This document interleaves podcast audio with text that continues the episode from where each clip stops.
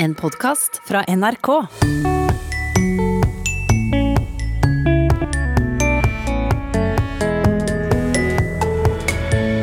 Espen Rostrup Nakstad fikk denne uka pris for sitt klare språk. Ingen har kommunisert informasjon om smittevern bedre enn han. Og han klarer å gjøre vanskelige ting enkle å forstå. Men leger og sykehus er ikke like flinke til å kommunisere. Jeg har en kollega, og han ble innkalt til time på Ahus. Han fikk et åttesiders brev, og han klarte ikke forstå hva han faktisk skulle gjøre på sykehuset. Nå språkvaskes innkallingsbrev fra sykehus i hele landet. Språk i helsevesenet er første tema i Språkteigen i dag. Og litt senere i sendinga så skal du altså få møte den mest klartalte helsebyråkraten i landet. Men først til det helsespråket som møter oss som pasienter. Hva er det som møter oss i innkallingsbrevet fra sykehuset? Forstår vi hva slags undersøkelse vi skal til? Hvor lenge må vi regne med å være på sykehuset? Eller i det hele tatt, hva slags behandling er det vi er kalt inn til?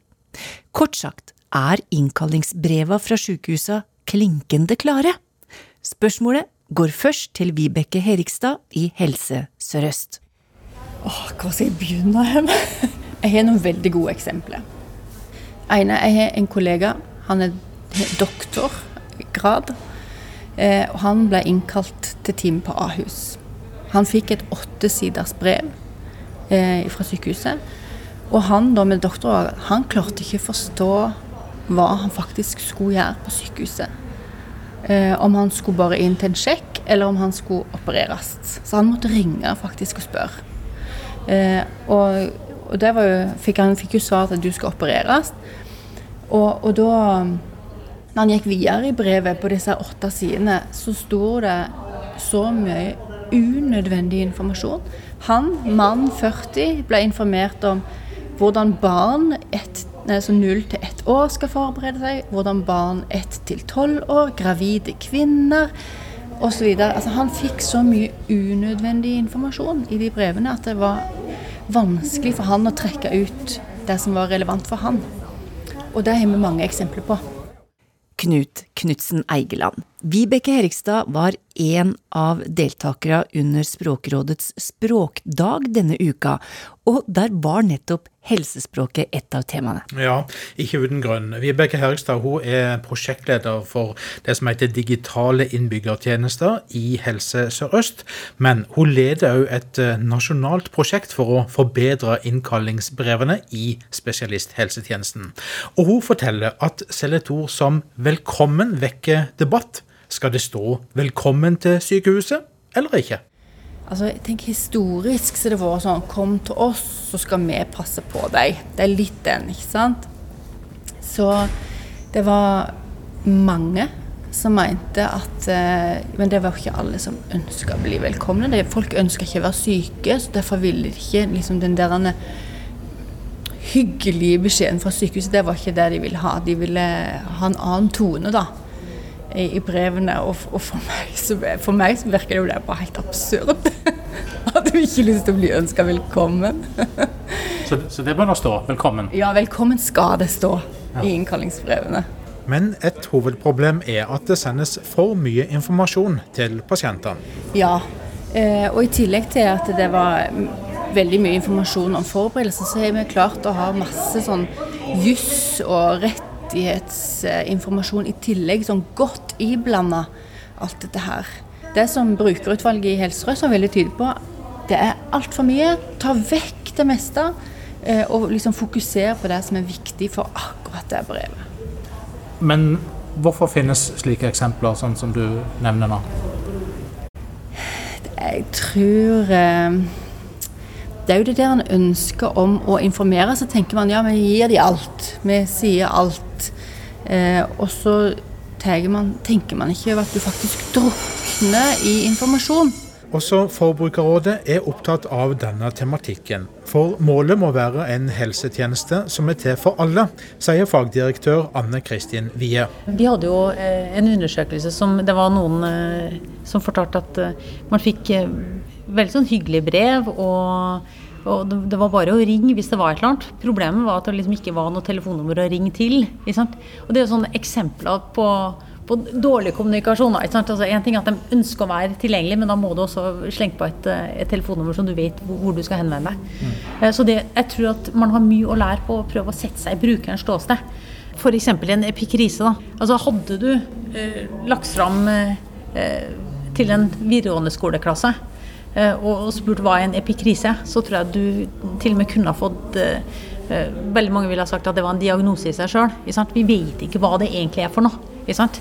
Eh, og, og, så får du da et, et brev eh, først med en epikrise, og så får du massevis av, eh, av, faguttrykk under. Og det er klart at Selv om det der er ment som et eh, som informasjon som skal, som skal, gå til noen andre i helsevesenet, så vil du jo likevel forsøke å forstå det.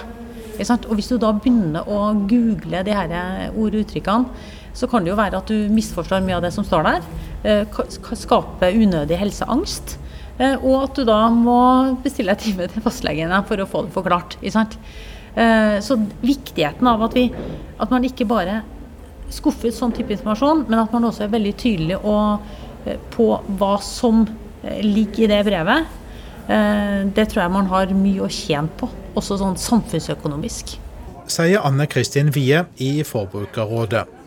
Den kjente hjertespesialisten Wasim Sahid, som jobber ved Drammen sykehus, holdt et innlegg på Språkdagen, der han forklarte hvordan han som lege ser på denne tematikken. For at helsespråket skal bli mer pasientorientert, så er vi nødt til å kommunisere spesielt til pasientene, eller eh, kommunisere spesielt med pasientene. Eh, og da må vi bruke et språk som folk flest har et forhold til, som de forstår. Uh, samtidig så har ikke jeg som lege lyst til å gi slipp på det språket som jeg har eh, med kollegaene mine. Jeg ser opplagt fordelene ved det, så det har jeg lyst til å beholde. Men vi må ha på en måte to ulike kanaler, to ulike kommunikasjonskanaler. En kanal for uh, helsearbeidere og en kanal med informasjon ut til pasientene. Sier Wasim Sahid. Når Vibeke Herigstad har fått jobben med å lage en nasjonal standard for innkallingsbrev fra spesialisthelsetjenesten, ser hun på hva de allerede har fått til i Helse Sør-Øst, der hun jobber.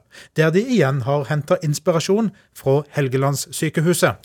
Eh, tekstene var gruppert eh, i forskjellige bokser, man brukte ikoner. altså Akkurat sånn som du har knapper på en digital tjeneste. Som gjorde det så mye lettere å trekke ut den viktige informasjonen. da. Så for meg, som jeg så de brevene, så var det bare sånn at du, dette her, dette er det vi skal lage på Helse Norge. Her må vi prate sammen og sørge for at vi går samme vei, da. Og det er et viktig hjelpemiddel Herikstad ikke hadde klart seg uten, nemlig representanter fra oss pasienter. Vi har hatt eh, to brukere med hele tiden. Eh, en som har vært med på alle møtene, og en som har vært med i en sånn referansegruppe. Eh, I tillegg så har vi jo da brukertester. Eh, man har gått rundt med utkast til nye brev, gått rundt på sykehuset, spurt folk i gangen. Eh, og vært på Oslo voksenopplæring, der folk som ikke har norsk som hovedspråket sitt, og faktisk sett Klarer de trekke ut det viktige? For vi skal jo også nå de. Og det vi også har gjort, er jo å knytte Altså knytte brev opp mot det vi informerer om digitalt. Mm. Altså Vi må snakke med ett språk, ett budskap i alle kanaler. Vi kan ikke si noe på nett og noe annet i brevene eller noe annet i SMS-en. Men uh, for de pasienter som ikke tilhører Helse Sør-Øst, hvordan vil de merke jobben som du holder på med nå? Eh, nå skal jo eh, eh vi beslutte disse brevmalene nasjonalt nå i løpet av eh, november. Og etter det så vil de andre tre helseregionene eh, starte å ta i bruk brevene. Men Kan du gi noen eksempler på hvordan disse brevene vil eh, se ut? Hva de vil inneholde? Altså, Vi har flere typer brev, da. Men vi har mm, innkallingsbrev, og så har vi ventelistebrev. Der vi sier at du har fått rett til helsehjelp, du skal få time, men vi klarer ikke å sette opp timen akkurat nå. Eh, og i de brevene så har vi faktisk fokusert på at du kan velge et annet sted å få behandling. Og i innkallingsbrevene så har vi, har vi fokusert på det her med forberedelser. Veldig så Vi toner ned rettighetene veldig.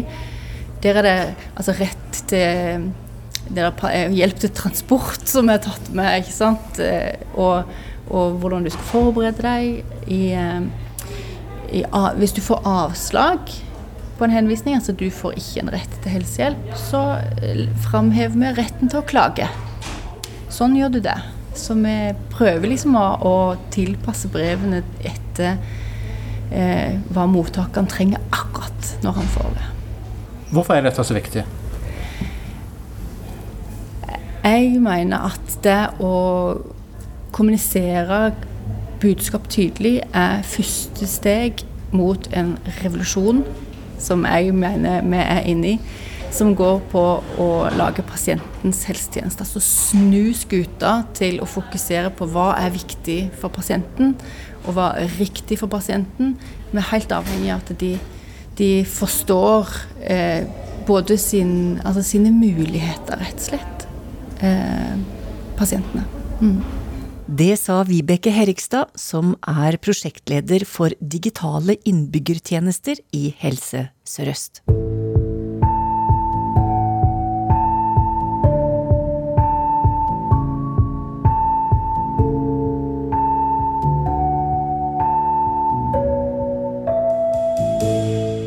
Som jeg sa innledningsvis, vi skulle komme tilbake til landets mest klartalende helsebyråkrat. Og på Språkrådets digitale språkdag denne uka så delte Språkrådet ut en adhoc klarspråkpris. Assisterende helsedirektør Espen Rostrup Nakstad fikk prisen for sitt klare språk under koronapandemien, med følgende begrunnelse fra direktør Åse Vetås i Språkrådet. Med mener at ingen har kommunisert informasjon om smittevern bedre enn han. Nakstad har en enkel og like til stil. Og han klarer å gjøre vanskelige ting enkle å forstå. Han bruker et uh, ukomplisert språk for å forklare folk hva smitteverntiltak innebærer i praksis. Og han trekker inn eksempler fra hverdagslivet der det er relevant. Det sa Åse Vetås i Språkrådet. Og Knut, du har møtt Espen Rostrup Nakstad for å prøve å finne ut hvordan han tenker når han skal formidle budskapet sitt. Ja, Han sier og påstår sjøl at han ikke har reflektert så mye over hvordan han ordlegger seg. Men han er opptatt av én ting, nemlig hvem er det han snakker til? Nei, jeg har eh, som sagt ikke tenkt så veldig mye på dette, men jeg prøver å snakke uh, forståelig. Uh, jeg prøver å bruke noen eksempler, merker jeg i hvert fall, når jeg ser meg tilbake, at jeg har gjort det.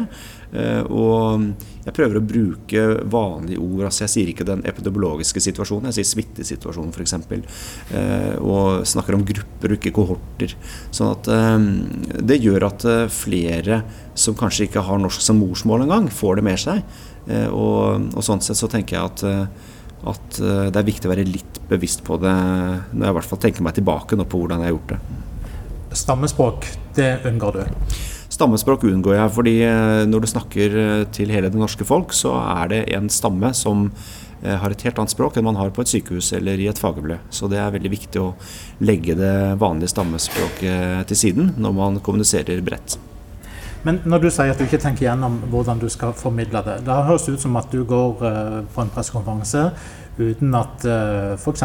kommunikasjonsrådgiverne i, uh, hos deg har vært involvert. Det stemmer vel ikke? Ehm, på pressekonferanser så har vi alltid noen talepunkter for å huske på hva vi skal si, og for å ikke si det samme som regjeringen gjør, sånn at det blir dobbelt opp. Og For min del så pleier jeg ofte å skrive de selv, så stikkordsmessig. Eh, og har en lapp i lomma, sånn at jeg er sikker på at jeg får nevnt de viktigste tingene. Eh, og noen ganger er man bedt om å referere ting også. Men bortsett fra det, så har alle mine medieopptredener vært eh, ikke planlagt i forkant, annet enn at jeg får ofte oppgitt et tema når jeg kommer. Så jeg vet sånn omtrent om det dreier seg om vaksine eller munnbind eller smittesituasjonen i USA, eller hva det dreier seg om. Det kan være ulike ting, eh, sånn tematisk. Eh, og så blir det egentlig å ta det litt på sparket. Og jeg har rett og slett ikke tid til å forberede meg eh, på det heller, sånn at, at det ble mye på sparket. Men kommunikasjonsavdelingen er veldig viktig fordi den drifter store nettportaler og, og fòrer hele det norske folk med veldig mye informasjon i ulike kanaler og på ulike språk. Sånn at det gjøres en kjempejobb, og man er helt avhengig av kommunikasjonsmedarbeidere i denne pandemien. Men sånn for egen del i intervjusituasjoner så har jeg vanligvis uh, klart meg selv, da. Men likevel så sier du at kommunikasjonen kan aldri bli god nok. Hva legger du i det? Ja, Der legger jeg at, uh, at uh, ting kan alltid bli sagt enda tydeligere, enda bedre. Og det kan alltid kontekstualiseres bedre. Nå bruker jeg et fremmedord der også, ikke sant. Men og satt i en sammenheng, rett og slett. Sånn at flest mulig forstår. Og jeg tror nok alle, vi alle sammen, når vi har holdt et foredrag et sted eller, eller, kommet med et budskap, at når vi ser tilbake på det, så tenker vi at jeg kunne faktisk satt det på en litt annen måte. Jeg kunne vært enda litt mer presis. Og det er det jeg mener med at det kan egentlig aldri bli bra nok. Eh, og vi må hele tiden strebe etter å gjøre det tydelig og klart nok. Og så må vi bruke hele språket også, eh, og ikke gjøre det for repetitivt eller for enkelt heller. De siste ukene så har det vært eh, kanskje mer diskusjon om de tiltakene som en har iverksatt. Har det med kommunikasjon å gjøre? Ja, jeg husker at uh, i mars en gang så var jeg gjest i Lørdagsrevyen. Uh, og sånn lørdagsgjest, og da husker jeg jeg fikk spørsmålet hvordan vil dette bli framover? Og da svarte jeg at nei, dette vil faktisk bare bli vanskeligere og vanskeligere. Uh, og, og, det ser vi veldig tydelig nå. Nå er det mange meninger, mange interesser. Mange er lei av hele pandemien. Eh, det er mer motstand mot tiltakene. Eh, eh, og hele situasjonen er vanskelig i mange land, og også vanskeligere i Norge enn den var i mars og april, hvor folk fulgte lojalt opp, og ting var egentlig ganske enkelt sånn sett.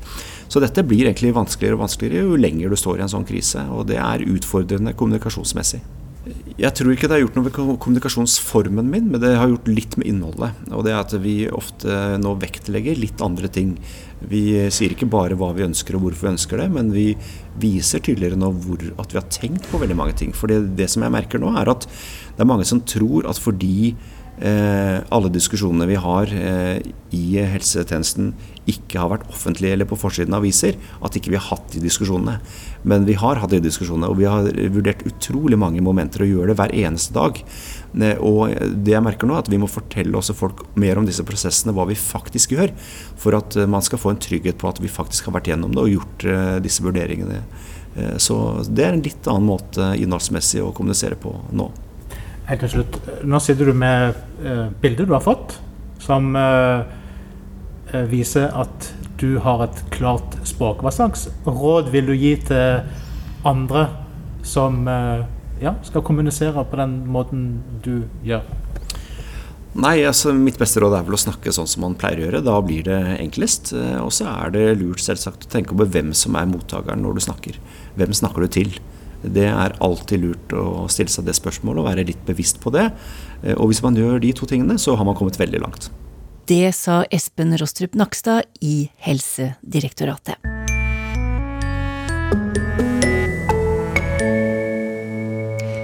Forrige uke sparka vi i gang kåringa av Årets ord 2020, og den skal vi gjøre her i Språkteigen i desember.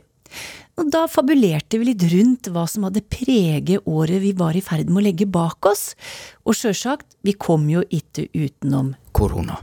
Og korona, det ligger langt fram i pannebrasken hos de fleste av oss, hos deg som hører på òg.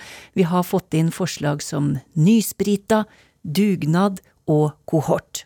Men da jeg utfordra Knut på å tenke på andre temaer som har vært framtredende i år, så ble det litt verre. Åh, ja, nå spør du veldig vanskelig. Ja, kanskje vanskelig, men vi har fått forslag. Vi har fått inn rekkeviddeangst, rasisist og umusikalsk. Det er noen få av de forslaga vi har fått inn på et ord som altså oppsummerer eller betegner 2020. Har du et forslag på årets ord, så må du sende det til oss på teigen krøllalfa nrk.no.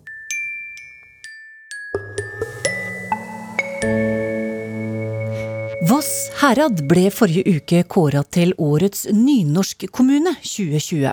Og i sendinga sist søndag sa ordfører Hans Erik Ringkjøb at prisen var motiverende for nynorskarbeidet i kommunen. I fjor var det nye Ålesund kommune som ble årets nynorskkommune, og det før kommunen egentlig var i drift. Vi skal høre litt fra utdelinga den gang. Det er jo mange som sammenligner det med da Obama fikk fredsprisen, da. For han fikk jo også fredsprisen før han egentlig satte i gang med selve jobben. Og sånn er det jo litt fordi nye Ålesund eh, begynner jo egentlig ikke å fungere før 1.1.2020. Men vi fikk det på grunnlag av eh, det arbeidet som eh, vi allerede har gjort med den nye kommunen. Og det er kjempestas. Midt i de heftige diskusjonene som har vært, og sånn, så føler jeg at eh, det, det gjør godt. I arbeidet med å få til en intensjonsavtale for den nye storkommunen, som består av nynorskkommunene Haram, Sandøy, Skodje og Ørskog, og den språknøytrale bykommunen Ålesund, så ble språkvalget stridens eple. Først stemte Vinje Ørdal nei til nynorsk, men retta seg til slutt etter flertallet, som ville ha nynorsk. Men jeg tenker jo også at uh, her ligger det et ansvar. Så uh, det er kjekt å ta imot priser, men her er også en jobb som skal gjøres. Det sa Ålesund-ordfører Eva Vinje Aurdal for ett år siden. Og da er spørsmålet hvordan har det gått i Ålesund? Knut? Ja, du lurer på det, du. For å få svar på det, så eh, tok jeg nylig kontakt med Kari Grindvik.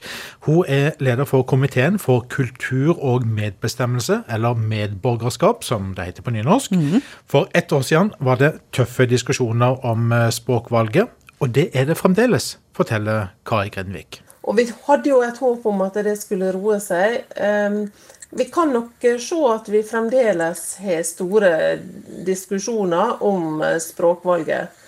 Ehm, men språkvalget er jo gjort, eh, så vi føler jo at det vi jobber med nå, er jo å få forståelse for eh, både for vedtak som var gjort for et år siden, men også å arbeide med detaljene på hvordan vi skal praktisere dette i de nye kommunene.